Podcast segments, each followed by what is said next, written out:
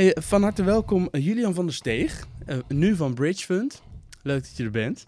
Je bent volgens mij uh, nou, nog geen uh, oude lul. Wat 36. Ja. 36 en je hebt je eigen fonds. Ja, klopt. Ja, dan ben ik natuurlijk heel benieuwd, hoe is dat ontstaan? Je werd geboren in?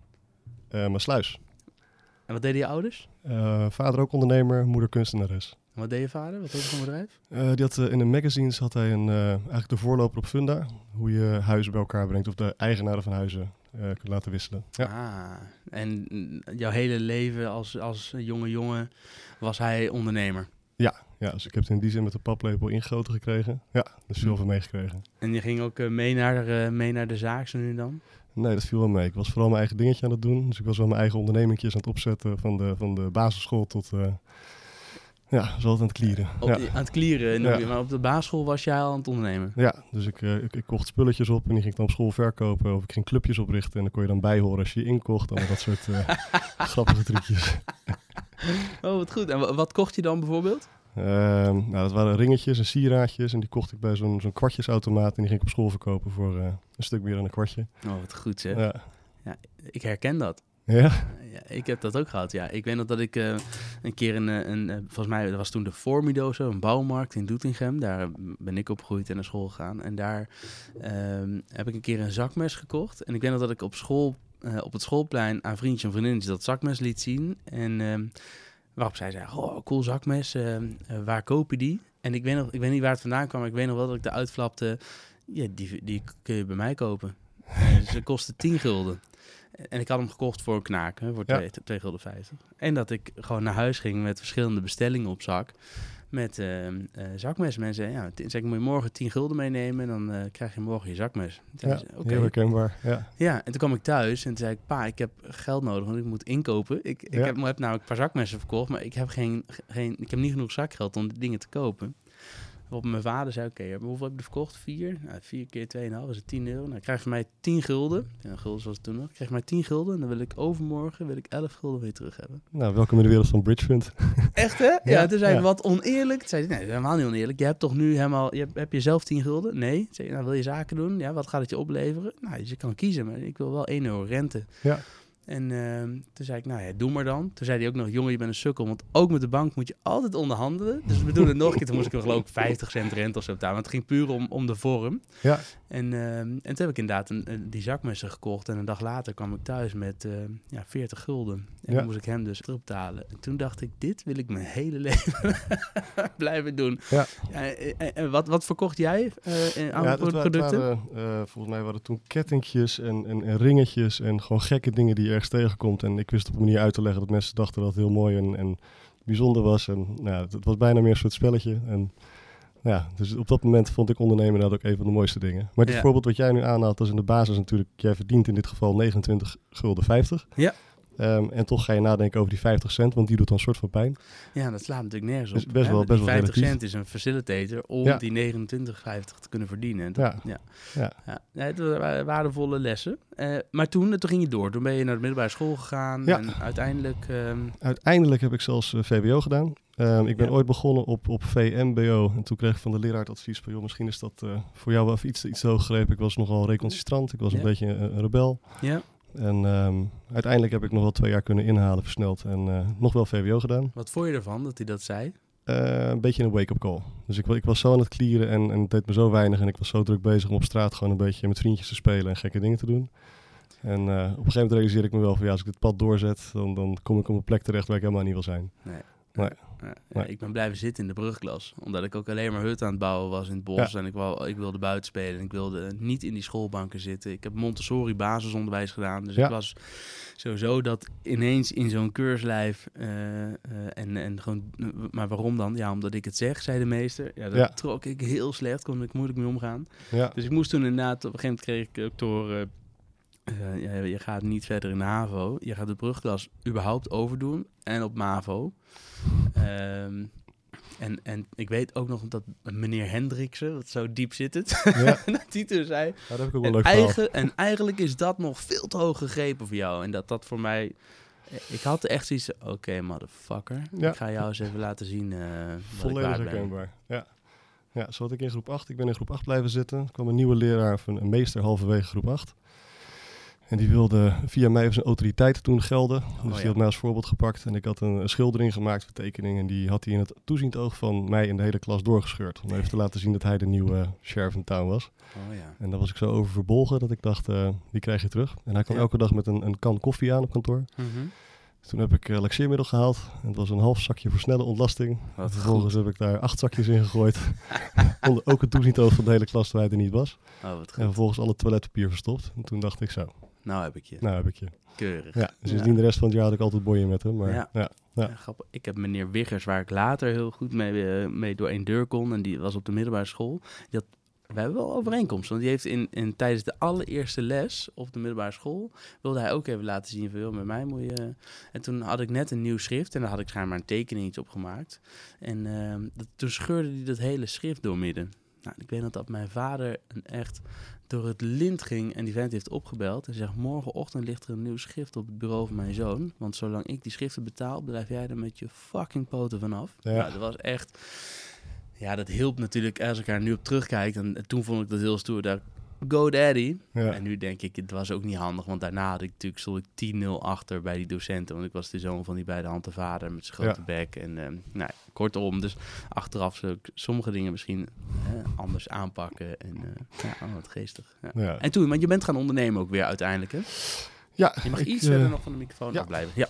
eh, ja, ik ben verder gaan ondernemen. Ehm, ik heb dus toen eerst VWO gedaan, toen heb ik een tussenjaar gedaan. Eh, en ik denk dat ondernemen is, is voor mij breder dan het hebben van een onderneming. Dus ik, eh, ik heb toen eerst nog een jaar een beetje gereisd. Ik heb nog een tijdje in Zuid-Amerika gezeten. Eh, ik ben daar begonnen voor een naschoolse kinderopvang. Ehm, toch nog iets, iets goeds te kunnen doen. Ehm, en ik merkte dat het daar in die naschoolse kinderopvang ehm, helemaal niet goed ging met die kinderen. Want die ouders trokken die kinderen uiteindelijk van school af. Toen ben ik bezig geweest om daar een weeshuis te bouwen. Dus heb ik een inzamelingsactie georganiseerd. En ik heb in totaal vier maanden gezeten. En lang verhaal kort, ik had een stuk grond gekocht. Ik had En hoe oud was je nu toen? Ik was denk ik mm, 18 of net 19. Ja. Oké, maar dan koopt natuurlijk iedereen een stuk grond in Zuid-Amerika als die 18, 19 is. Ja, ga verder. Ja, nee, alleen eh, richting het einde de mensen waar het project waar ik, waar ik mee bezig was, die dat uiteindelijk moesten gaan runnen en die kinderen echt een beetje vervelend maar uit de handen van die ouders moesten halen. Ehm, die wilden toen wel het recht hebben om er minimaal 20 jaar te wonen. En daar bleven ze maar op staan. Terwijl het ook voor mij het idee was, ik ga zo meteen weer terug naar Nederland. Dus dan wordt het echt door jullie gerund. Ik, ik heb hier niks, ik hoef je niks. Ehm, maar ik, ik bleef het een beetje gek vinden dat ze, dat ze er heel erg op stonden dat ik iets moest gaan tekenen. Dat ze er wel 20 jaar mochten verblijven. En toen ben ik uiteindelijk toch naar een advocatenkantoor gegaan en gevraagd, is, is er iets met, met 20 jaar of, of wat, wat is dit? Ja. Nou, nu blijkt in Peru, daar was het, eh, een, een, ehm, het ergens woonachtig zijn voor 20 jaar of het recht hebben om ergens woonachtig te zijn voor 20 jaar, dat je daarmee van eigenaar Ja. wordt van het geheel. Ja, ja. Dus toen eh, heb ik ongeveer eh, met, met grote frustratie gezegd, jongens, ik, ik kom op een dag terug en dan ga ik het wel op een manier doen dat ik ook echt de tijd ervoor heb, maar nu heb ik het hele project afgekapt. Ja, Ja. Ja. Dus Ja. maar goed, dat was ja, dus dat de- voor jou eh, enerzijds ondernemer, maar ook goed doen. En als Ja. dat goed doen, als je dan genaaid wordt, dan, ehm, ja, dan gaan we het dus gewoon niet doen. nee, dan, eh, dan kappen we hem af. Ten koste van die weeskinderen eigenlijk. Uiteindelijk wel, ja. En toen ben je teruggegaan naar Nederland? Ja. En toen? Toen heb ik, ehm, ben ik naar Intercollege Business School gegaan. Ik wilde een meer praktijkgeoriënteerde opleiding die ehm, zich toespitst op ondernemerschap. Ik heb daar in totaal denk ik drie maanden gezeten. En in die drie maanden was ik ook bezig met mijn eigen bedrijfje ernaast. Een, eh, een online marktplaats waar vraag en aanbod van de arbeidsmarkt wat slimmer bij elkaar komt. Toen nog voor developers en mensen die een developer zochten. Dat heette toen eerst nog webplaats.com, webplaats.nl. Ehm, Alleen al snel werd dat een wat, wat groter concept dat ik wegging bij alleen maar de developers en meer gewoon de arbeidsmarkt. Dus wat breder tegen de uitzendbranche. Ik vond de uitzendbranche een soort van moderne slavernij waarbij iemand die via een uitzendbureau gaat werken drie, drieënhalf keer over de kop gaat van wat Ja. iemand verdient versus wat er betaald wordt. Ja. Toen dacht ik dat dat klopt niet helemaal meer met de hedendaagse tijdsgeest om te zorgen dat je online die matchmaking kunt doen. Ja. Dus toen eh, dacht ik, als daar nou een slim platform komt en aan de achterkant zorgen we dat er een, een, een constructie komt dat die verloning wel net zo makkelijk is dat jij als werknemer niet jezelf in te schrijven bij de Kamer van Koophandel, dus via een payroll-constructie. En ehm, nou, dat ging best wel, best wel goed. Ja, Ja, hoe goed ging het? ehm, nou, het, het is met een, een soort van gekke omweg waarbij veel dingen gek genoeg goed samenvielen. Ehm, ik was 24 en toen ging ik naar de beurs. Holy shit. Ja, dan moet ik wel zeggen, dat was met name de, de, de back-end, dat, dat, dat payroll contracting bedrijf wat de grootste volume deed. We deden op dat moment 128 miljoen omzet. Ehm, Alleen uh, het was een beetje een omgekeerde redenering. Want onze grote concurrenten die waren allemaal beursgenoteerd. En wij dachten, als wij nou ook gewoon beursgenoteerd zijn, dan doet onze stem er meer toe. We waren Ja. vooral als, als toch ook nog een beetje dat rebelse druk bezig om te laten zien dat, dat de wereld zoals die was niet klopt. En dat wij een touwtrekker wilden zijn voor de nieuwe wereld.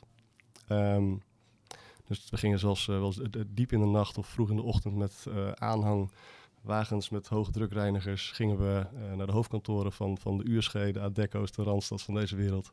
Om dan met anti-graffiti acties de, Ja. de, de, Groene de, gravity. groene graffiti, de, de, de boel schoon te spuiten met eh, moderne slavernij en Oh, stop en gezellig. Ja, Ja, gewoon, gewoon lekker clearen, ook in de wetenschap, dat als ze zouden reageren, dan gaf dat ons juist weer een soort extra aanleiding om, om Deden ze dat ook? Ja, ja dus ze trapten er lekker in. Ja. Ja. Dus het is gewoon met name gewoon een beetje als, als, als rebel wat, wat clearen. Ik denk dat het nog steeds wel deels in me zit om het op te nemen tegen autoriteiten.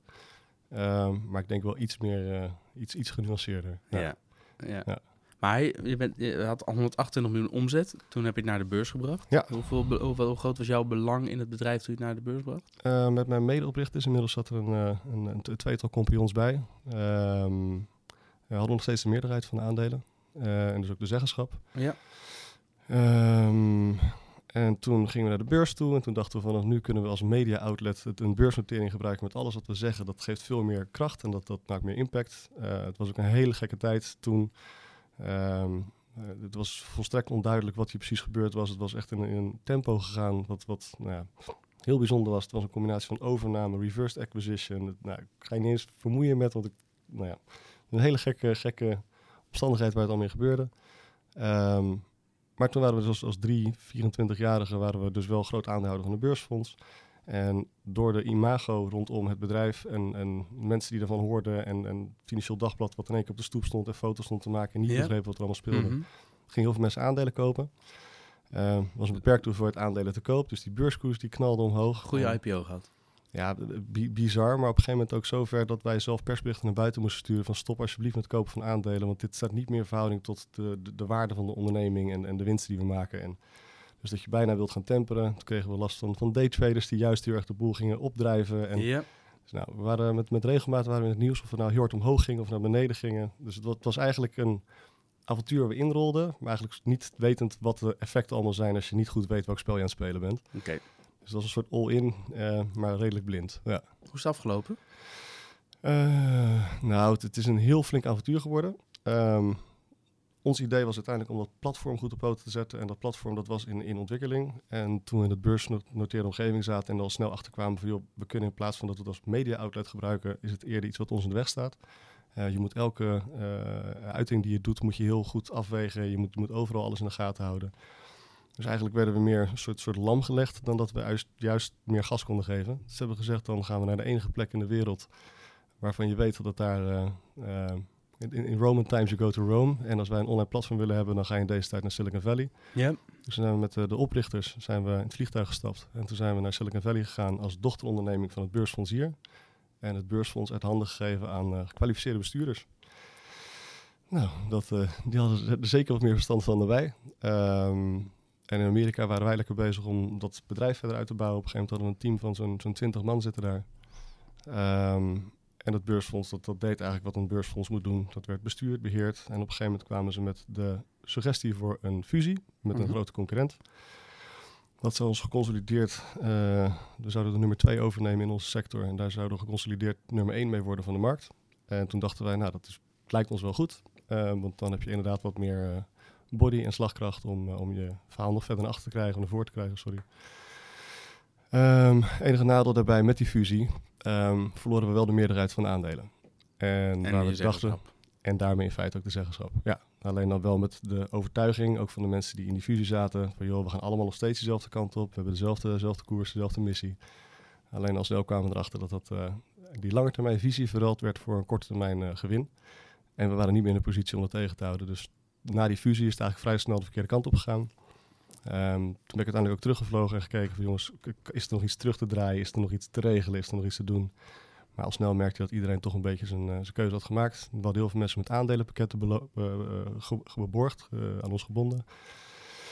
En wat je daar dan ook merkt is dat nou ja, als mensen een, dusdanige waarde hebben en het geld wordt zo'n belangrijk onderdeel, ehm, ja, dan, dan kan soms de ratio een beetje verloren raken. En ehm, hoe was het voor jou? Was je bij die fusie eh, ook in aandelen uitgekeerd eh, in het grotere geheel? Of heb je nog wel, ehm, heel plat, heb je nog wel kunnen cashen ook toen? Eh, ja, nou, ik heb eigenlijk voor het grootste deel gecashed door een noodlijdende onderneming ook uit de, de, de structuur te halen. Ehm, en eigenlijk ook om een veel groter eh, de, de bakel te kunnen voorkomen. Is eigenlijk best een, een lang verhaal die ik probeer in een heel soort tijds, tijdsbestekje neer Ja. te leggen. Maar ik, ik denk dat ik, dat ik behoorlijk wat pijn heb gepakt in de gedachte. Ik, ik wil het gewoon oplossen, regelen. En ik was in een positie gekomen waar ik heel moeilijk onderuit kon komen. Ehm, buiten mijn weten en, en, en wil om natuurlijk. Ehm, dus ik, ik, heb, ik ben er zeker niet slecht uitgekomen. Maar ik denk naar verhouding dat ik als ik heel bewust voor mezelf had gekozen, veel beter uit had kunnen komen. Ja. Eh, er waren ook behoorlijk wat dingen gebeurd, omdat ik ook best wel op afstand stond. Ehm, eh, wat ook gewoon niet door de beugel kon. Dus ik heb ook nog even voor de keuze gestaan om, eh, om echt te gaan procederen. En ehm, er waren zoals advocaten, mijn vaste advocaat, die had gezegd... ik ben bereid dit op no OP te gaan doen. Want dit gaan we winnen. Ja, Ja, maar ja. weet wel, dit wordt een, een langlopende procedure, want de belangen zijn groot. Ehm, en toen heb ik met die, die oprichter van het advocatenkantoor op een gegeven moment gezeten. En die ehm, heeft toen mij denk ik een van de beste adviezen ooit gegeven. En dat was, joh, als jij ondernemer bent en je hebt in relatief korte tijd gewoon dit, dit al kunnen bouwen. Ehm, wil je dan de komende eh, vijf jaar van je leven vastzitten in bodemprocedures en eigenlijk alleen maar met negativiteit? Wat wij met liefde doen als advocatenkantoor, want zij zagen hun helder in. Hmm. Ehm, of ben je bereid het los te laten en te denken, joh, prima, ga gewoon weer lekker door, ga gewoon weer lekker ondernemen. Dat was een pijnlijke keuze, moeilijk, moeilijk moment, maar toen eh, gekozen om gewoon weer lekker eh, te gaan ondernemen. Ja, Dus je bent er, je, je bent er re- redelijk uitgekomen, maar eh, eh, je hebt daarvoor momenten gedacht dat je er veel beter uit zou gaan komen. ja, Ja. zeker. Klinkt ook als een, een super waardevolle eh, periode, eh, super leerzame periode. Ondanks ik begrijp dat het niet altijd leuk is geweest en dat het eh, pittig is geweest. Ja. Ehm, wat zijn nou de, je noemde er al één, een be- belangrijke les van je advocaat. Hè? Ik, ik Ja. noem dit graag de favorite failures. Dus Ja, hè, een, ja. een favorite failure is een failure waar je op terugkijkt en denkt, ja, dat was toen heel vervelend, maar je hebt me ongelooflijk veel opgeleverd aan kennis of ervaring. Wat is in, in deze hele reis jouw favorite failure geweest? Ehm, de favorite failure is denk ik, ehm, ja, het is misschien meteen mijn les die ik eruit heb gehaald, is, is, is de overtuiging dat je ehm, mensen kunt meenemen, maar dat, dat even goed zeggen, dat je voor verschillende fases verschillende mensen nodig hebt. En wat toen de valkuil is geweest, denk ik ook vanuit onze kant, want ik kan het heel erg buiten mezelf zoeken, maar het zit ook deels bij ons. Is bijvoorbeeld als founders heb je een andere rol dan als je later mensen gaat aannemen. En het Ja. nadeel voor founderschap is dat je snel geneigd bent. Ik ben, ik ben oprichter, ik ben mede-eigenaar. En met name als er meerdere mede-eigenaren komen, die hebben ook het idee dat ze een bepaalde autoriteit en rol hebben en houden binnen de onderneming. Terwijl het vaak niet het beste is voor de onderneming om die mensen in die positie te houden. Ehm, ik weet niet of deze iets te abstract is, maar nee hoor, ga door. ehm, Dus hoe zou je dat dan nu, hè, wat is dat, wat, eh, wat heeft je dat, wat, hoe zou je dat nu anders doen? Eh, heel bewust kiezen dat je één keer per jaar aandeelhouder bent. En dat is tijdens de AVA. En dan heb je heel even iets te zeggen. En voor de rest ben je gewoon of bezig met de onderneming of niet. Vanuit de rol waar je verantwoordelijk voor bent. Ja. Dus heel erg de, de, eh, de, de, de, de aandeelhouderschap en, en het ondernemerschap loskoppelen van de rol waar je in zit. En misschien een heel klein bruggetje ook bijvoorbeeld waar ik nu in zit met mijn bedrijf is... je groeit hard, je begint met een klein team. Eh, ik heb twee oprichters, twee medeoprichters. Eentje die kon heel goed developen. En het was in de begintijd rete belangrijk dat hij dat allemaal kon opzetten. Eh, en de andere was heel handig met online marketing. En wat je merkt over time is die hele goede developer, die, die moet veranderen van rol. We zijn nu met, met Bridgefund, ik denk 50, 60 man groot. En dan krijg je meer een, een managementfunctie. En dan moet je meer zorgen dat andere mensen juist succesvol kunnen, kunnen werken. En als jij van nature iemand bent die graag zelf wil, wil coden, ja, dan, dan kom je aan een kantelpunt. Ja, je moet naar een andere rol gaan. Nee, of je blijft coden of je neemt een manager aan, maar je Ja. kan dat niet allebei doen. je kan niet allebei doen. Alleen van nature, als je begint, begin je als CTO. Even in dit voorbeeld. Hmm. Ehm, maar over time, om de rol CTO te kunnen blijven verantwoorden en, en, en dragen, dan, dan moet je iets anders gaan doen in je rol. Dus het doorontwikkelen of in je rol, of beseffen, joh, er is iemand anders die mijn werkzaamheden in deze rol veel beter kan. Hmm. Dat moet ik vooral doen. En eind van de dag ben je dan ook aandeelhouder, dus jouw belang zit bij je aandelen. En nou ja, wat voor de onderneming het beste is, is, is uiteindelijk de keuze voor de onderneming. Ja. Dus ik weet niet of dat een favoriete failure is, maar ik denk dat dat bij het eerste bedrijf gewoon veel te lang in de situatie is gebleven dat mensen die niet de juiste persoon waren voor de uitvoering van die functie, Mhm. dat die wel te lang in die functie hebben gezeten. Ja. Goeie tip denk ik voor eh, andere ondernemers. Ja, Ja. Jij bent toen, uiteindelijk heb je besloten, ik ga die strijd niet aan. Ik accepteer wat het is en we, we sluiten het af en Ja. we gaan, eh, ik ga vrolijk verder. Wat ben je toen gaan doen? Toen ben ik eerst wonden gaan likken en, en even gaan nadenken, wat wil ik nou? Ehm, teruggekomen op wat, wat ik zelf ben en wat ik, waar ik me het liefst mee omringen, dat zijn ondernemers. Toen heb ik eh, een bedrijf opgericht waarvan ik nog niet wist wat het precies moest gaan doen. Dat heette DGA Nederland. DGA is de afkorting voor de directeur groot aandeelhouder. En dan puur gewoon vanuit de zoektocht. Waar kan ik nou kleine ondernemers eh, met name mee helpen om succesvoller te kunnen ondernemen? Ehm, ook in de wetenschap dat ik daarvoor dus met het eigen bedrijf in het begin, toen ik zelf klein was, eh, was er veel minder voor mij mogelijk. Waren er veel minder partijen geïnteresseerd in mij. En toen ik groter werd, stonden ze gek genoeg in één keer allemaal voor in de rij. Dus toen dacht ik, eigenlijk wil ik daar een soort brug in slaan. Want dat, dat voelt een beetje eh, oneerlijk. Ehm, dus toen dacht ik, als ik een, een, een soort collectief ga creëren van, van DGA's, van ondernemers, dan kunnen we vanuit die collectiviteit misschien ofwel dingen van elkaar leren. Dus daar heb ik een stukje kennisnetwerk in opgebouwd. Ik heb een, een handelsnetwerk geprobeerd op te bouwen om te kijken hoe je die gasten onderling meer zaken kunt laten doen. Eh, en uiteindelijk ook een inkoopnetwerk eh, om collectief de inkoop te faciliteren. Want als je met een grote inkoopkracht collectief optreedt, dan krijg je andere condities dan dat je individueel moet gaan onderhandelen. Ehm, ik denk met name dat inkoopnetwerk, dat, dat nam nog wel wat vorm aan. Ehm, ik denk zo'n 2000 ondernemers waren er op een gegeven moment aangesloten, waarbij wij onder volmacht konden gaan onderhandelen voor de inkoop. Ehm, alleen wat ik bij mezelf merkte, het, het, het, deed het wel, maar ik haalde er gewoon niet heel veel plezier uit. Dus je merkt wel hoe groter het wordt, hoe beter je propositie ons ook wordt. Maar het collectief het idee bleef nog steeds, wat ga ik doen voor ondernemers om die, eh, om die slimmer aan elkaar te verbinden? En het mooie van ondernemers vind ik is dat ze lekker eigenwijs zijn. Het lastige aan ondernemers is dat het ook heel moeilijk is Dat ze lekker eigenwijs zijn. ja, en een product te ontwikkelen waar ze allemaal in zitten. Ja. Ehm, maar goed, toen gewoon goed blijven luisteren. En op een gegeven moment eh, eh, liep ik er tegenaan dat, dat ondernemers aan de ene kant te maken hadden met een, een bank waarbij ze negatieve rente hadden. Hmm. En niet goed wisten wat ze met hun centjes aan moesten. Ehm, en ook aan het zoeken waren. Ja, ik ben zelf geen professioneel belegger, dat zeiden ze ook. En, eh, moet ik naar de beurs? Moet ik vastgoed gaan kopen? Moet ik, eh, ik heb geen idee. Maar Moet ik ik het allemaal doen? ja, moet ik het allemaal doen? Moet ik gaan spreiden? En hoe doe je dat dan? Ehm, en aan de andere kant dat ik juist ook diezelfde ondernemers in die pool van die 2000, ehm, die juist heel erg op zoek waren naar, ik heb soms een klein beetje geld nodig als overbruggingsfinanciering. Alleen bij de bank eh, kom ik er niet meer voor terecht. Want onder de 2,5 ton word je nagenoeg niet meer in behandeling genomen.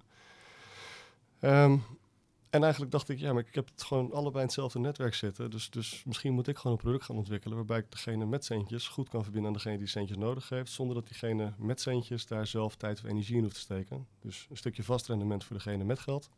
En een stukje, een stukje eh, snelle overbruggingsleningen voor de mensen die dat eh, goed kunnen gebruiken om te groeien met de onderneming. Dus jij sloeg de brug en vanaf daar eh bridge fund. Ja, Ja. vandaar Bridge Fund. Ja. Ja.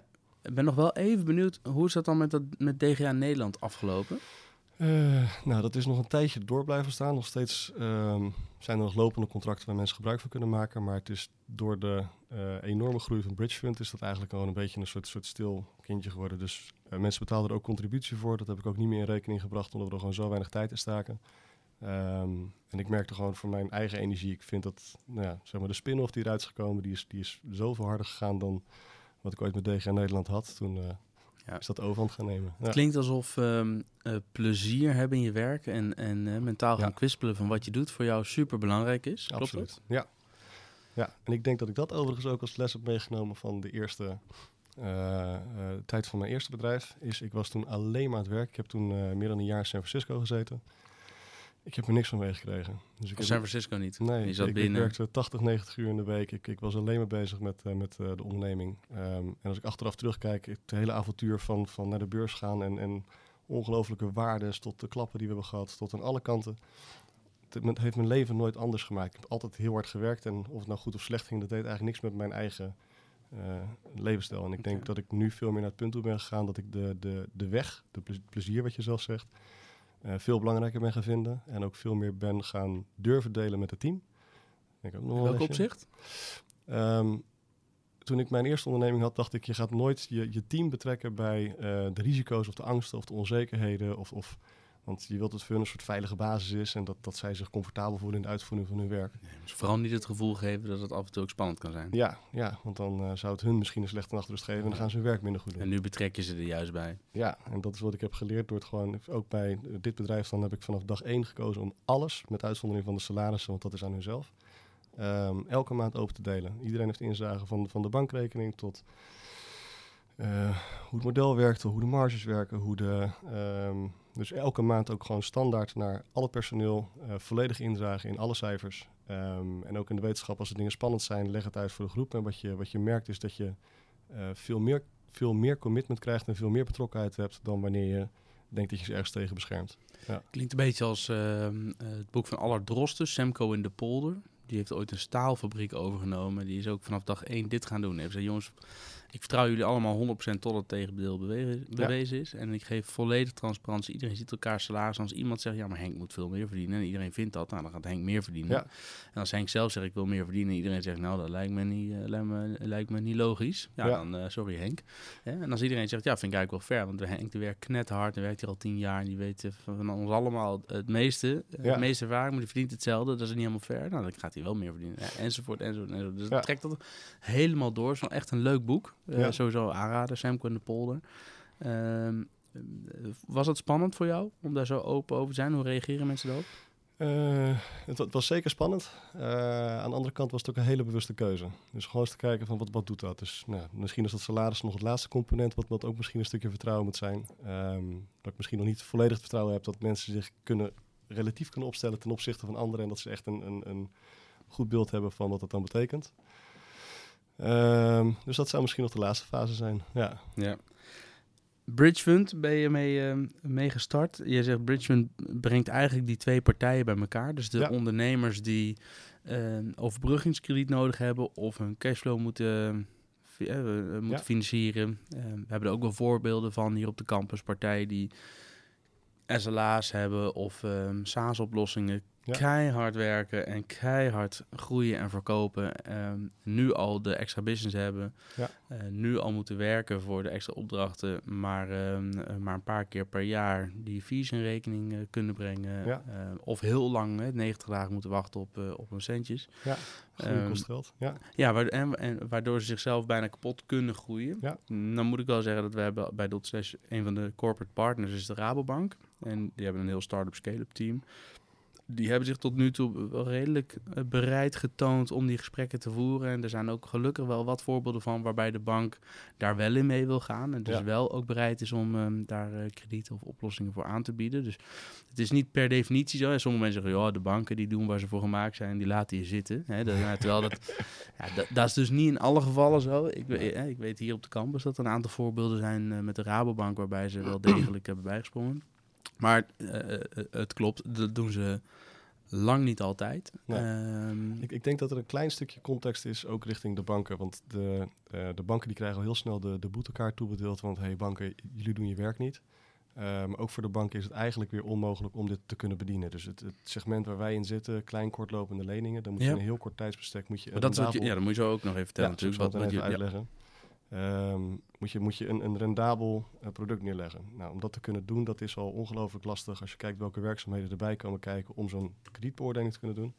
Eh, en voor de banken geldt dan ook nog eens een keertje een verzwaarde wet en regelgeving ten opzichte van bijvoorbeeld een partij zoals wij. Ehm, en in die zin is, het- is het qua, nou, heet dan unit economics, kan het gewoon voor een bank simpelweg niet uit. Computer says no. Computer says no.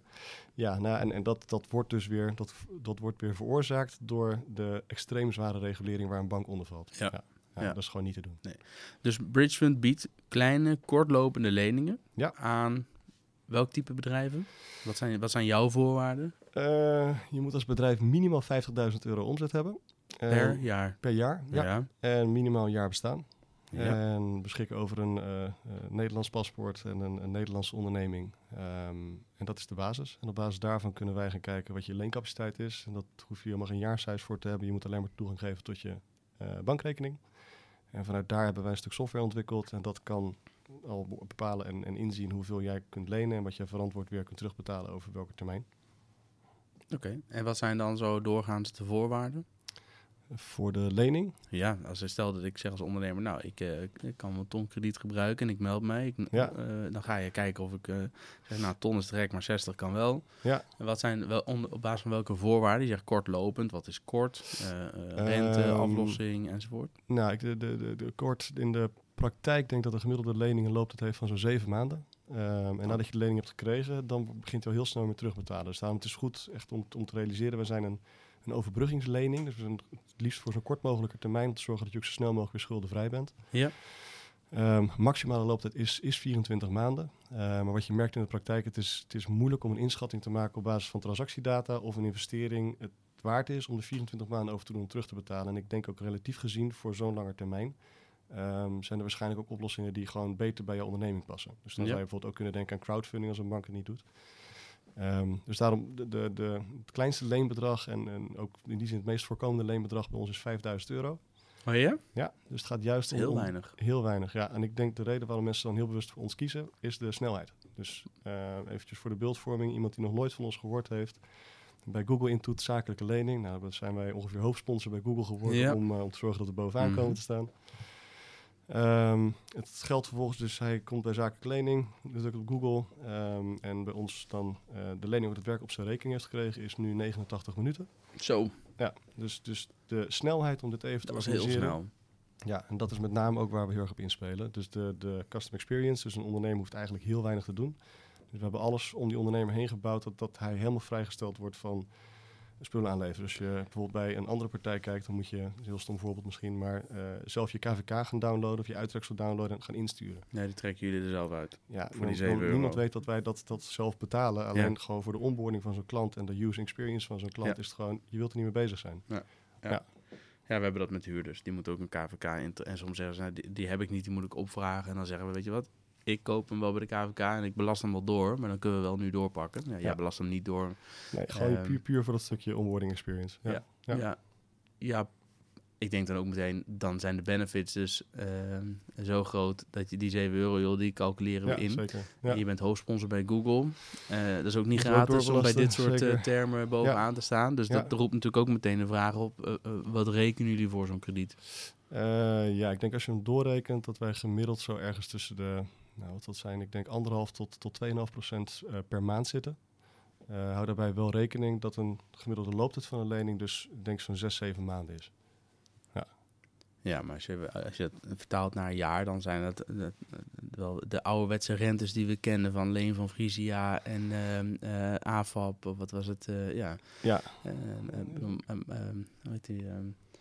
Eh, Maasbert Schouten is eh, ooit heel groot geworden. Niet zozeer naar ondernemers, maar veel naar particulieren toe. Ja. En bij particulieren is dat ook allemaal aan banden gelegd. Inmiddels mag dat niet meer. Ja. Hoe is dat, is dat bij zakelijke leningen anders ingeregeld? Want dit zijn, per maand is het heel erg te overzien. hè, Ja. Maar het is, ehm, ja, eh, als je het vertaalt naar jaarrentes, dan zijn het natuurlijk nog steeds best wel serieuze rentes. ja en, en daarom ook heel bewust de keuze om te zeggen, dat hij moet ehm, voor langere looptijd is het snel al geen Moet je het niet lening meer, moet je het Nee. vooral niet doen. Dus het gaat echt om die overbrugging. Ik denk heel veel, ehm, het grappige is heel veel onze klanten, die zul je niet snel over horen. Mensen die uit een sector komen, eh, eh, die zullen wel snel geneigd zijn van, oh, dat zijn hoge rentes. Alleen je moet het altijd weer relateren aan de hoogte van een leenbedrag. En- Eigenlijk weer terug naar die terugbrengen 50 naar cent van vroeger. Die 50 cent die je nu betaalt 50 om ja. die 27,5 te kunnen verdienen. Ja, want jouw vader, in dat spreekwoordelijke voorbeeld, die, jij kon de volgende dag je vader terugbetalen. Ja. Het heeft jou 29 gulden 50 opgeleverd, het heeft Ja. je 50 cent gekost. Ja, en, en, dat is, en dat terugbetalen bij Bridgefund, dat, dat mag ook wanneer het je uitkomt. en dan kreeg je ook korting. Ja. Ja, je hoeft geen Ja. boetes te betalen als je eerder aflost eh, dan, wat je, dan Ja. de looptijd, et cetera. Eh, eh, Welke voorbeelden uit de praktijk zou je kunnen noemen van situaties waarbij een ondernemer zegt, nou, maar nu, nu eh, sluit ik even bij Bridgefund zo'n eh, lening af van 5 of eh, 10.000 euro ehm, eh, tegen die anderhalf à 2 procent, eh, zodat ik nu door kan? ja, ik heb denk ik twee leuke voorbeelden. Onze allereerste klant, dat was een, eh, een kippenrestaurantje. Die eh, ging verkopen via, via eh, een, een, een food delivery platform. Ik zal geen namen noemen. Ja, dat mag hoor, we zijn eh, onafhankelijk, dus Oh, eh, noem, noem lekker wat je wil. Ja, Ja. nou, die ging volgens mij via thuisbezorgd aan de gang. Ja. Ehm, alleen zijn probleem was, hij kreeg twee keer zoveel bestellingen als dat zijn kippen over aankon. Ah. Dus die had een probleem, die moest elke keer de rem erop gooien, want hij kon niet leveren. Terwijl hij wel genoeg kippen kon inkopen, maar de, de oven kon het niet aan. Ja, en nevenkopen, daar hebben wij als ondernemers een broodje dood aan. van. Ja. Nee, nee. Dus die, eh, die had een turbo-oven nodig. En die turbo-oven die kostte 5000 euro. Dus die had bij ons die 5000 euro geleend. Dat was ook meteen onze allereerste klant. Ehm, en binnen drie maanden, aan de omzet die hij eruit haalde en de marge die hij erop verdiende, ehm, had hij die, die investering van 5000 euro al terugverdiend. Dus die had ons in, in drie maanden tijd, kon hij ook ons alweer terugbetalen. En toen na drie maanden was hij de eigenaar van een turbo-oven, waardoor hij twee keer zoveel kippen kon verkopen. Dus dat is denk ik één, eh, één grappig voorbeeld. Ehm andere is een, een, een dame die ehm had een Dat heeft hem dan dus eh, zeg maar zo'n 225, eh, 250 euro ongeveer gekost aan, aan, eh, aan rente. Ja. En daarmee had hij drie maanden later eh, was hij schuldenvrij en had hij die turbo over en kon hij dus over. daarna elke maand Ja. eh, Ja. verder knallen. Ja, en dat zie je ook heel vaak, dat klanten vaak weer terugkomen. Dus misschien een ander leuk voorbeeld was een dame nog drie die, eh, turbo-overs nodig, dacht hij. Ja, dat kan lekker doorgaan op die manier. Ja. Nee, een andere dame die had een, een nagelstudio en die had daarnaast dat ze een, een webshop opgezet en die verkocht Happy Socks. Oh ja, En we zagen ook waar ze dat verkocht. Ja. Dat mag ik allemaal zeggen, via bol.com. ja. Ehm, en we zagen waar ze het inkocht. En vervolgens, eh, dat ging zo goed en ze verkocht zoveel van die sokken dat ze de, de, de besteltijd, eh, het kwam uit, uit Azië, die, die leveringen, ehm, die moesten overbruggen. En ze wilde elke keer grotere orders plaatsen, want ze Ja. merkte elke keer wat ik inkoop, dat, dat gaat er weer uit. Dus die begon met een lening van 5000, tweede lening was 20.000, toen 40.000, toen 80.000. Dus zij is vier keer teruggekomen en sindsdien hebben we het er niet meer gezien. Oké. Ehm, maar sindsdien is het ook niet meer nodig. Ja. Dus dat, dat vind ik leuke voorbeelden. Dat als zij ons niet had gehad als katalysator, had zij niet zo snel kunnen groeien met het inkopen en de, de, de versnelde voorraad om die groei te pakken. Misschien nog een derde grappig voorbeeld, wat je nu ziet doordat we wat langer in de markt zitten al. Ehm, ehm, we zien bijvoorbeeld eh, slagers. En slagers die komen met name in, in oktober, november, dan vooral de wat slimmere slagers, ehm, die sluiten bij ons leningen af. Eh, want dan gaan ze veel meer vlees inkopen. Want wat je ziet is die vleesprijzen die stijgen enorm richting de decembermaand. Ah, die gooien ze in de vriezer. Ja, die gooien ze in de vriezer. En op die manier ehm, betalen ze ons veel minder aan rente eh, dan de, de, de de meerwaarde die ze stijgende hebben. prijs die ze De hebben. stijgende prijs die ze Oh, anders zouden hebben. Dus het is ook, nou, dat geldt ook voor andere voorraadproducten. Als jij groter inkoopt als, als winkel, Mhm. ehm, dan weegt vaak onze rente eh, weer op ten opzichte van de kortingen die je krijgt van je leverancier. Cool. Ja, dus Slim. daarom, het, het blijft altijd, en dat is het stomme van, van het denken in de rentepercentages, als je terugbrengt naar euro's.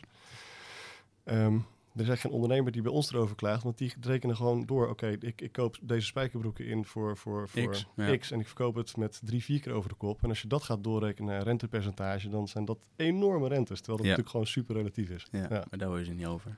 Nee, nee, nee. En ik denk dat wij als, als nou, eh, mensen erg eh, geïndoctrineerd zijn rondom rentepercentages, ook misschien wel de hypotheekrentes, dat de hoogte van de rentepercentage heel veel zegt of iets goed of slecht is. En ik snap dat vanuit een consumentenmarkt, Ja. daar levert het niks op, dan is het gewoon consumptief goed.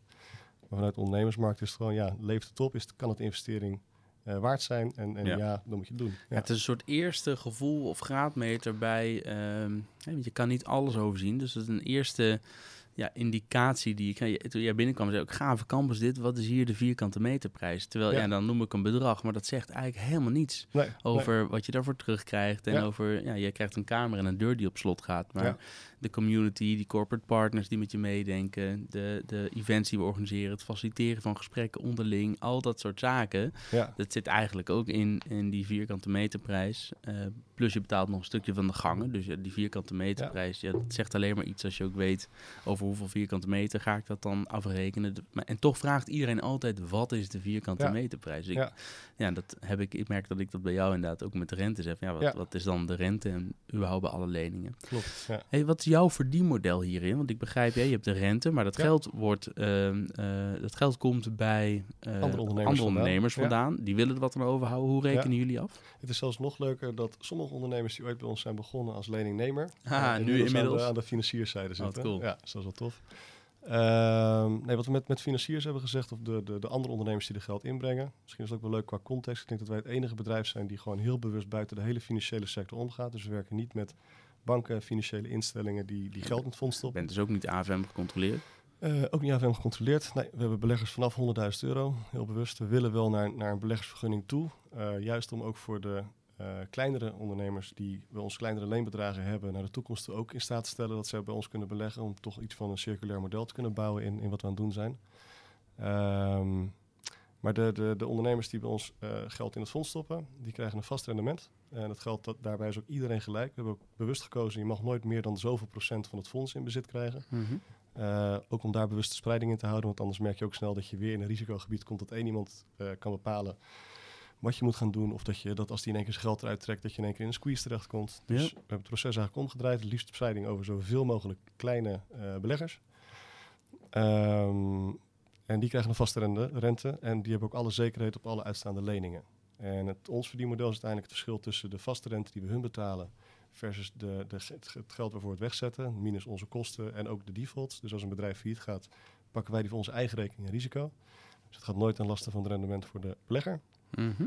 Ehm, en dat is uiteindelijk, eh, wij kunnen pas verdienen nadat iedereen gedekt is. En wij zijn zelf, zeg maar, hebben het eerste hypotheekrecht, hypotheekrecht weggegeven aan eh, de belegger. En zelf pakken we eigenlijk het tweede deel en het rendement wat daar bovenop komt, dat is uiteindelijk voor ons. Ja, maar je noemde wel ook en onze kosten. Dus jullie brengen wel ehm, eh, kosten in rekening voor het werk dat jullie Nee. doen? Voor een Nee, soort-. Nee, nee. Nee het, het wordt het meest vergeleken door ehm, ondernemers. Nogmaals, ik zal er zelf geen uitspraak over doen, maar met een, eh, wat vroeger de, de spaarrekening bij de bank was. Dus je kunt het geld naartoe storten. Eh, je hebt ook een optie, dus flexibele looptijd. Je kunt op elk moment kun je het weer Ja, terughalen. Eh, wel met een kleine kanttekening, wat met koeienletters overal bijgeschreven wordt. We behouden het recht voor, zodra jij zegt ik wil mijn geld terug hebben, om er maximaal zes maanden over te doen. En dat heeft alles te maken met een eh, spreekwoordelijke bankrun. Als iedereen tegelijk zou Ja. opzeggen, dan hebben wij zelf ook de tijd nodig om het geld weer terug te krijgen. ja. Maar kijkend naar de, de gemiddelde looptijd van onze leningen en dat er ook elke dag automatisch geïncasseerd wordt voor de aflossing, ehm, kun je ook relatief snel weer eh, terugbetalen. En welk rendement bied je dan, de, want je zegt een vast rendement, wat bied Ja. je dan aan die ondernemers die instappen in het fonds? De, de flexibele looptijd, dat begint bij 4,25% rente per jaar. En dat is dus dagelijks opzegbaar. En dan heb je nog de optie 1, 2 of 3 jaar vast. En dat loopt op naar 5,25%. Oké, maar dan moet je geld dus al wel een aantal maanden uitstaan. Eh, wil je dat weer, weet je, moet dat geld toch of niet? Als ik, als je, Nee, als zodra je het geld in... dat is, maar die 4,5 is op jaarbasis. ja, Ja, en die anderhalf procent is op maandbasis. Eh, ja, klopt. Ja, ja, oké, ja, precies. Nee, ik moest even schakelen. Nee, maar dan snap ik hem. Ja. ja. Oké. Hey, wat zijn nu eh, jouw, ehm, jouw uitdagingen als ondernemer voor de komende periode? Eh, nou, grappige vraag. Want ehm, eh, als bedrijf zijn we best wel hard gegroeid. Ehm, elk jaar verdubbelen of verdrievoudigen qua volumes. En zitten nu denk ik met een mannetje of 50, waarvan we begin van het jaar nog zaten op 25. Je hebt En, 50 man in dienst bij Bridgefund. Ja, hier in Amsterdam. En Hier in Amsterdam. hebben Oh, we oh, oh, we zijn in het mooie Utrecht, hè? Ja, gelijk. eh, Ja, daar ja, in. Amsterdam. Ja, ja, die prachtige voorstad. prachtige. Ja. ik heb ook Utrecht gewoond. Utrecht Oké. een heerlijk, heerlijk stadje om te wonen. ja, zeker. Als student is het top. Ja. Stadsie. Ja, als ondernemer ook. Als ondernemer. Nee, vertel. Ja, dus je hebt 50 man in Amsterdam zitten. Ja, ik heb 50 man in Amsterdam zitten en ik heb een development team in Sri Lanka zitten. Eh, eigen team ook. En daar is het mannetje of 12 nu. Ehm, ik momenteel volgens mij 20 of 30 vacatures. Moet je ik, ik weet niet eens precies. Ook in, in Amsterdam uitstaan, omdat we echt, echt behoorlijk aan het groeien zijn. Ehm, en dit jaar gaan we de, de stap maken om ook naar het buitenland uit te breiden. Ik denk in het domein waar wij in zitten, dus klein kortlopend zakelijke leningen, ehm, zijn we wel marktleider geworden. En om uiteindelijk die groei te kunnen blijven eh, voortzetten, eh, is buitenland de logische keuze. En we gaan dit jaar gaan we de stap maken naar de UK. Kijk. Ja. Spannend. Goed Ja. man. Maar wat zijn je uitdagingen daarbij? Nou, ja, die, die vacatures, de- personeel. de, ja. de- ja, wat, waar ik nu mee te maken heb, is dat je, dat je in je organisatie een kanteling krijgt. Ehm, ik denk eh, een team aansturen van 20, 30 man, daar ben ik wel vaker mee in aanraking geweest. Ehm, maar nu naar 50 man, dan ga je in één keer andere dynamiek krijgen. Dus, dus ik heb nu te maken met een managementteam en ook Ja. de aansturing van dat managementteam. En om daar zeg maar, te kijken hoe je een soort nieuwe reflexen moet gaan ontwikkelen, eh, word ik heel actief gecoacht door, eh, door een aandeelhouder die ook aan boord is. Ehm, dus ik heb eigenlijk verschillende aandeelhouders. Dat is misschien ook wel een goede les die ik heb meegekregen, is dat ehm, je kunt wel eh, creatief, innovatief en eigenwijs zijn hoe je een, een nieuw pad wil kiezen. En doe, dat ook vooral. Ehm, maar laat je wel omringen door mensen die ook vanuit de oude stempel gewoon weten hoe sommige dingen werken. Want je kan nog zoveel talent hebben, maar als je niet de ervaring hebt of om je heen hebt om sommige valkuilen te vermijden, dan, kun je alsnog gewoon heel veel moeite hebben om door bepaalde fases heen te komen. Dus ik heb er vanaf dag één heel bewust voor gekozen om een aantal mensen aan Bridgefund te binden. Kan ook iets over zeggen. Eentje daarvan is eh, René Vrijters. Hij is de oprichter van Alex Beleggersbank. Ja. Eh, later ook Knapbank binnengekomen als, als coach. En eigenlijk door de tijd heen is hij steeds meer eh, in de organisatie gekomen tot het punt dat we ook dachten van... joh, maar als je het zo leuk vindt, vind je dan niet leuk om gewoon echt mee te doen? En sindsdien is hij ook echt actief aan boord en betrokken. Ja, hij is ook mentor bij NL Groeit. Ja, klopt. Zo heb ik ook gevonden. Ja. Oh ja? Ja. Oh, wat goed. Dus je bent via NL Groeit bij, eh, bij hem terechtgekomen. Ah, Ja. te gek. Je 23 juni, dat is heel snel, dat is komende donderdag. Ja. Dat is dus morgen, realiseer ik me nu. Hebben we hier ook weer een NL Groeit eh, bijeenkomst, een barbecue met eh, eh, de oprichter van de NCOI. Die komt daar wat vertellen over ehm, zijn ondernemersverhaal. En daarna hebben we weer die tafels waar we Ja. ondernemers die qua niveau een beetje vergelijkbaar zijn bij elkaar zetten om te sparren over elkaars uh, goede uitdagingen. Eh, ik had er graag bij geweest. Ik had het beter in mijn agenda moeten plannen dan. Ik heb morgen aandeelhoudersoverleg. En dat is ook belangrijk. daar vermoed ik dat René Vrijters dus ook bij gaat Ja, zijn. ja, ja. Ja. Maar misschien wel goed om dat dan nu nog even uh, te benoemen. Want jij zegt via en nog groeit. Zou je nog, want dat is een van de corporate partners weer van Dot Slash ook. Zou jij uh, kort willen benoemen wat um, en nog groeit bijeenkomsten, het mentorennetwerk, wat dat toevoegt uh, voor een ondernemer? Zeker.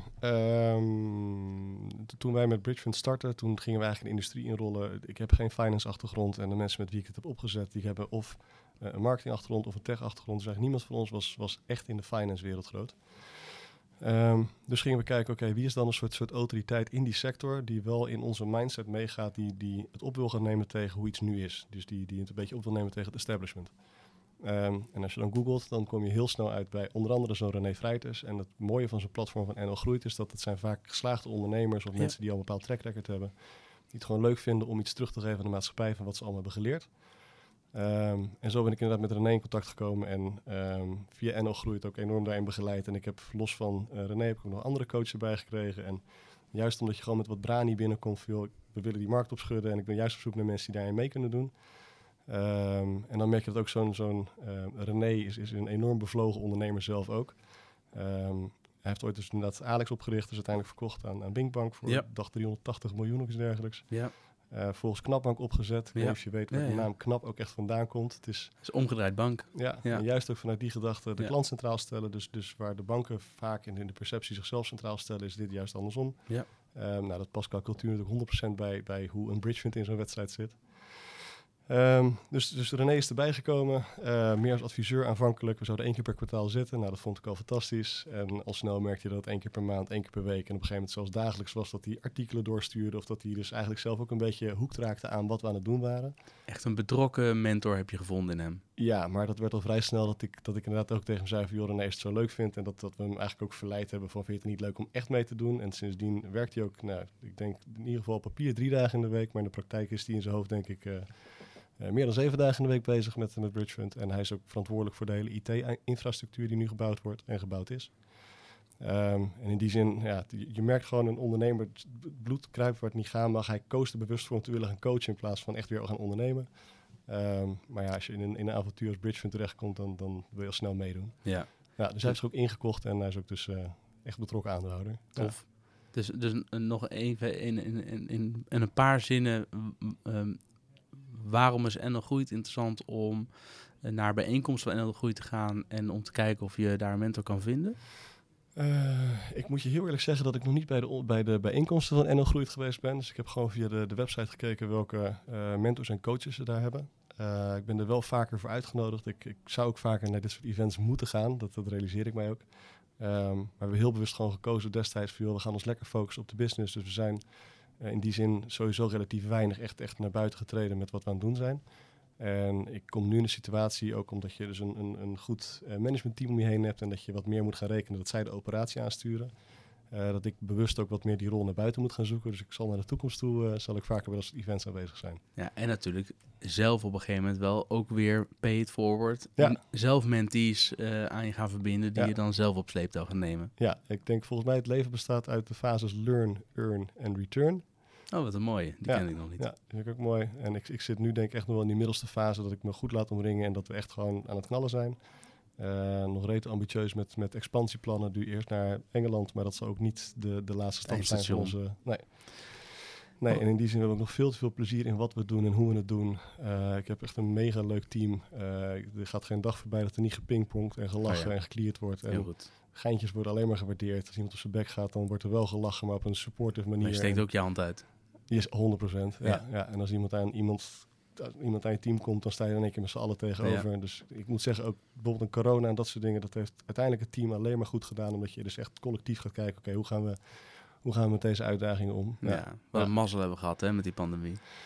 Wij hebben uiteindelijk gek genoeg, nee, stom genoeg hebben we heel veel mazzel gehad. Want ja. het verschil, dat is misschien wel leuk om even nog toe te voegen, is uh, omdat wij georganiseerd zijn met ondernemers aan twee kanten, konden wij juist heel goed in contact blijven met uh, ondernemers die in één keer verplicht hun winkels moesten gaan sluiten. En dus ook belden van ja, wat mm. moet ik doen? Want hoe kan ik nou in godsnaam aan, aan mijn verplichtingen blijven voldoen met die aflossing? Ja. Nou, daar hebben we alle begrip voor. Aan de andere kant hadden we ook ondernemers die ook schrokken, want het MKB was failliet. Dat waren de krantenkoppen. Ja. Um, dus die dachten in één keer, ben ik dan mijn inleggen? Wat, wat gebeurt er met mijn centjes? En ja. ook door die mensen juist heel actief te betrekken wat er gebeurt, hebben ze ook veel meer begrip voor de situatie. En op het moment dat, dat, dat legden we ook aan de ondernemers die geld instopt uit, van joh, Je kan met alle plezier kun je nu je geld terugvragen. En wij kunnen ook zorgen dat we met de zekerheden die we hebben dat geld gaan halen. Um, maar, wil je vind, dat? vind je dat nu gepast even gelet op de situatie waar iemand zich in bevindt? Het zijn Ja. gezonde bedrijven die op last van de overheid nu even winkel dicht moeten gooien. Daar komen zometeen regelingen aan Ja. waardoor die mensen geld blijven krijgen. En, en het mooie was dat aan beide kanten ondernemers zitten en dus ook heel veel begrip hebben voor de situatie. En daardoor merkten wij dat wij juist heel erg rustig konden blijven als fonds, waar onze concurrenten eh, met name allemaal bankair gefinancierd waren of, of door financiële instellingen. En die zagen diezelfde krantenkoppen en die zeiden gewoon veel roetzichtlozer, oké, we zetten de, de, de, de lijnen stop. Ja. En daardoor zagen we in één keer dat onze concurrenten dus, dus of niet meer konden verstrekken, of in één keer verkocht moesten worden. En wij konden al heel snel doorgaan gewoon met het spel wat aan het spelen waren. En Ja. daardoor werden we in één keer, denk ik, nou, marktleider. Ja. Ja. Nou, ik, ik zeg natuurlijk heel eh stevig, hè, wat, een- wat een mazzel hebben gehad. Maar aan de andere kant, het is ook wel mooi om te kunnen terugblikken op corona. Van wat hebben we daarvan geleerd en wat heeft het ons gebracht? En jij zegt, eh, we hebben een knettersterk team gekregen. We zijn uiteindelijk marktleider geworden. En Ja. Er zijn natuurlijk ook, laten we dat vooral, laten we daar niet overheen stappen, heel veel bedrijven voor wie het vreselijk is geweest en die er enorm onder te lijden hebben gehad. Maar eh, we hebben hier bij Dot Slash een, een event gehad, ook met En Groeit, waar Pieter Zwart van Coolblue een Ja. van de sprekers was, of eigenlijk de spreker. Ehm, en ik weet nog dat hij de zaal op een gegeven moment toesprak toen de zoveelste vraag over corona kwam. Dat, dat hij zei, ja maar beste ondernemers van Nederland, geniet er ook een beetje van, hè, van die hele fucking pandemie. Want hoe vaak krijgen ze ondernemer de kans Ja. om met zoiets te moeten dealen? Vet. Ja. Ja. dat gebeurt natuurlijk bijna nooit. Dus Nee. Eh, grijp het met beide handen aan Ja. en, en, en, en ga weer echt ondernemen. Want dat is wel wat je nu moet doen. Achteroverleunen kan even niet. Dat vond ik wel een hele mooie, om het zo te Ja. bekijken. Oké, maar Ja. geniet er ook een beetje van. Hè? Ja. Ja, ik vind het... Zeker in een zaal met ambitieuze ondernemers die het nog moeten gaan bouwen. Ik, ik kan me ook voorstellen dat je in sommige sectoren zit of dat je tweede of derde generatie bent van die onderneming. eh, dat het veel lastiger is om die kanteling te maken. Maar ik, ik vind het absoluut ook. Dus in, in die zin, ik kan me erin vinden. Veranderende markten, daar moet je van houden. Dat is wat je ooit ondernemer heeft gemaakt. Dat is ooit waar, waar, waar het spel in mijn beleving plaatsvindt. Ja, ja. Ja. Eh, eh, je, eh, dat groeien van eh, teams eh, van 30 naar eh, 50 en groter. Ja. Eh, we hadden het boek eh Semco en de Polder al leven. Eckhart's Notes, ik weet niet of je die kent. Eh, Ik heb daar ooit wel eens wat delen van gelezen. ja, Nou, die gaat natuurlijk helemaal over het groeien van bedrijven voorbij de 30. En zodra een bedrijf, teams. Ja. ja, en zodra het groter wordt, weer splitsen en eh, ownership enzovoort. Dus, eh, dat vond ik een, eh, een interessant boek. Hey, laatste vraag. Plezier is voor jou knetterbelangrijk. Ja. Ja, dat herken ik. Alles wat er bij mij op me afkomt aan kansen, dat leg ik langs drie assen. Hoeveel geld levert het op, hoeveel tijd gaat erin zitten en hoeveel plezier beleef ik eraan. En die verhouding tussen die drie, die moet goed zijn. Ja. En op basis daarvan beslis ik, ga ik dit doen of ga ik het niet doen. ja, mooi. Wat is het risico voor Bridge Fund dat jij op een gegeven moment denkt, nou, nu heb ik het een tijdje gedaan. Nee, nou, nou, is, nou is mijn plezier op. Of ik, eh, eh, Ja, eh, lastige vraag om over jezelf te beantwoorden. Ehm, ik, ik denk het, het risico is in mijn beleving dat het op een gegeven moment echt gewoon een, een bedrijf gaat worden. We zijn nu echt nog een, een cultuur van, van eh, de, bedrijfsbolletjes die lekker uit de klauwen lopen. Natuurlijk wel in, in zekere gezonde mate, maar we, zijn, we zijn de nieuwe speler. We moeten het opnemen tegen hele grote gevestigde spelers en, en dat doen we heel goed. Eh, dus het is ook een soort, soort collectief dingetje waar je met, alle, met z'n allen aan het, aan het knokken bent. Ehm, en wat ik nu al merkte, dat, dat je in één keer van 25 naar 50 man groeit. Dat je best wel wat mensen nu hebt lopen en, en ziet die je zelf niet eens hebt aangenomen. Ik had, laatst dan, dan stond er een rijtje van vier, vijf mensen en dan moest ik alleen maar de arbeidscontracten nog voor tekenen. En dan bij het voorstellen, wat kom je eigenlijk überhaupt doen? Ja. Dat, is, dat is heel abstract. Dus dit, dat, dat, dat eerste kantelpunt, daar liep een beetje tegenaan. Eh kom ik nu ook weer deels op terug dat ik qua culture fit heel be- bewust erbij betrokken wil blijven wie we nou aannemen. En ook kan iemand nog zo goed zijn, als je geen culture fit bent, dan moet je het gewoon niet doen. Want cultuur is een van de belangrijkste dingen, zeker in de fase waar je ook nu nog zit. We zijn nog niet een, een soort doorleefde eh, organisatie die voor operational excellence gaat. We zijn juist een cultuur met eh, eigenlijk iedereen binnen een onderneming zie ik als een soort mede-ondernemer. Mhm. Weliswaar binnen een Ja, bepaalde is rol, bepaald deelgebied. Ja. En je zoekt dat een stukje ondernemerschap. En we zijn nog geen, geen fabriek die gewoon precies weet op welke afstellingen je iets perfect moet doen. Ehm, dus ik, ik denk waar, waar de zorg zit, of in ieder geval waar, waar mijn kanteling gaat komen, dat dat een stukje plezier eraf gaat. ehm, is dat het wel naar dat punt komt. Dus dat je alles hebt uitgekristalliseerd, dat je weet wat je doet, hoe je spel speelt. En voor mij bijvoorbeeld de stap naar de UK is nu in één keer weer, dat geeft ook weer een soort hernieuwde energie, alsof je weer naar een soort start-up fase gaat. En, en eh, UK is in dat voorbeeld, ehm, wat ik wel eens ook bij mijn werk uitleg is, Ehm, het is een beetje alsof je nu in groep 8 zit. Dus eventjes, je zit op de basisschool en je boort nu tot de grote jongetjes van, van de basisschool. Straks ineens moet je weer opnieuw. Straks ben je een brugpieper die, eh, die weer geplaagd gaat worden door grote jongetjes die, eh, die een Ja. stuk hoger zitten dan jij. Ja. Dus het is heel bewust een keuze om te zeggen, oké, we gaan weer... eh, we zijn nu groot geworden in een klein spel. En nu, willen, nu worden we weer even klein in een wat groter spel. Ja, En dan ga je toch weer naar dat, dat, dat eerste stukje cultuur toe met... Ja, wij moeten het gaan opnemen tegen mensen die, die in veelvoud aan, aan ons formaat zijn. Ehm, en dat spel vind ik ook fantastisch om te spelen. Dus, dus juist dat stukje opnemen tegen de, de, de grote gevestigde orde. en Ja. dat ga je weer doen. Ja, dus, dus voorlopig, zolang dat spel gespeeld kan worden, weet ik zeker dat, dat ik hier energie uithaal. Ehm, ook in combinatie nu met het team. En, en wat me wel energie kost, is nu leren hoe je sommige reflexen moet gaan afleren. Dus waar ik in het verleden iets zag, dan kon ik er meteen wat van zeggen. En zeggen, joh, dat, dat past helemaal niet bij wie we zijn en wat we doen. Eh, nu moet ik gaan leren dat dat via het beoogde MT-lid gaat. En die gaat naar de teamcaptain en die moet daar dan iets van vinden. Eh, dus, dus het vertalen van, van de cultuur en wat er gebeurt op zijn werkvloer, dat, daar zit wel wat verandering in.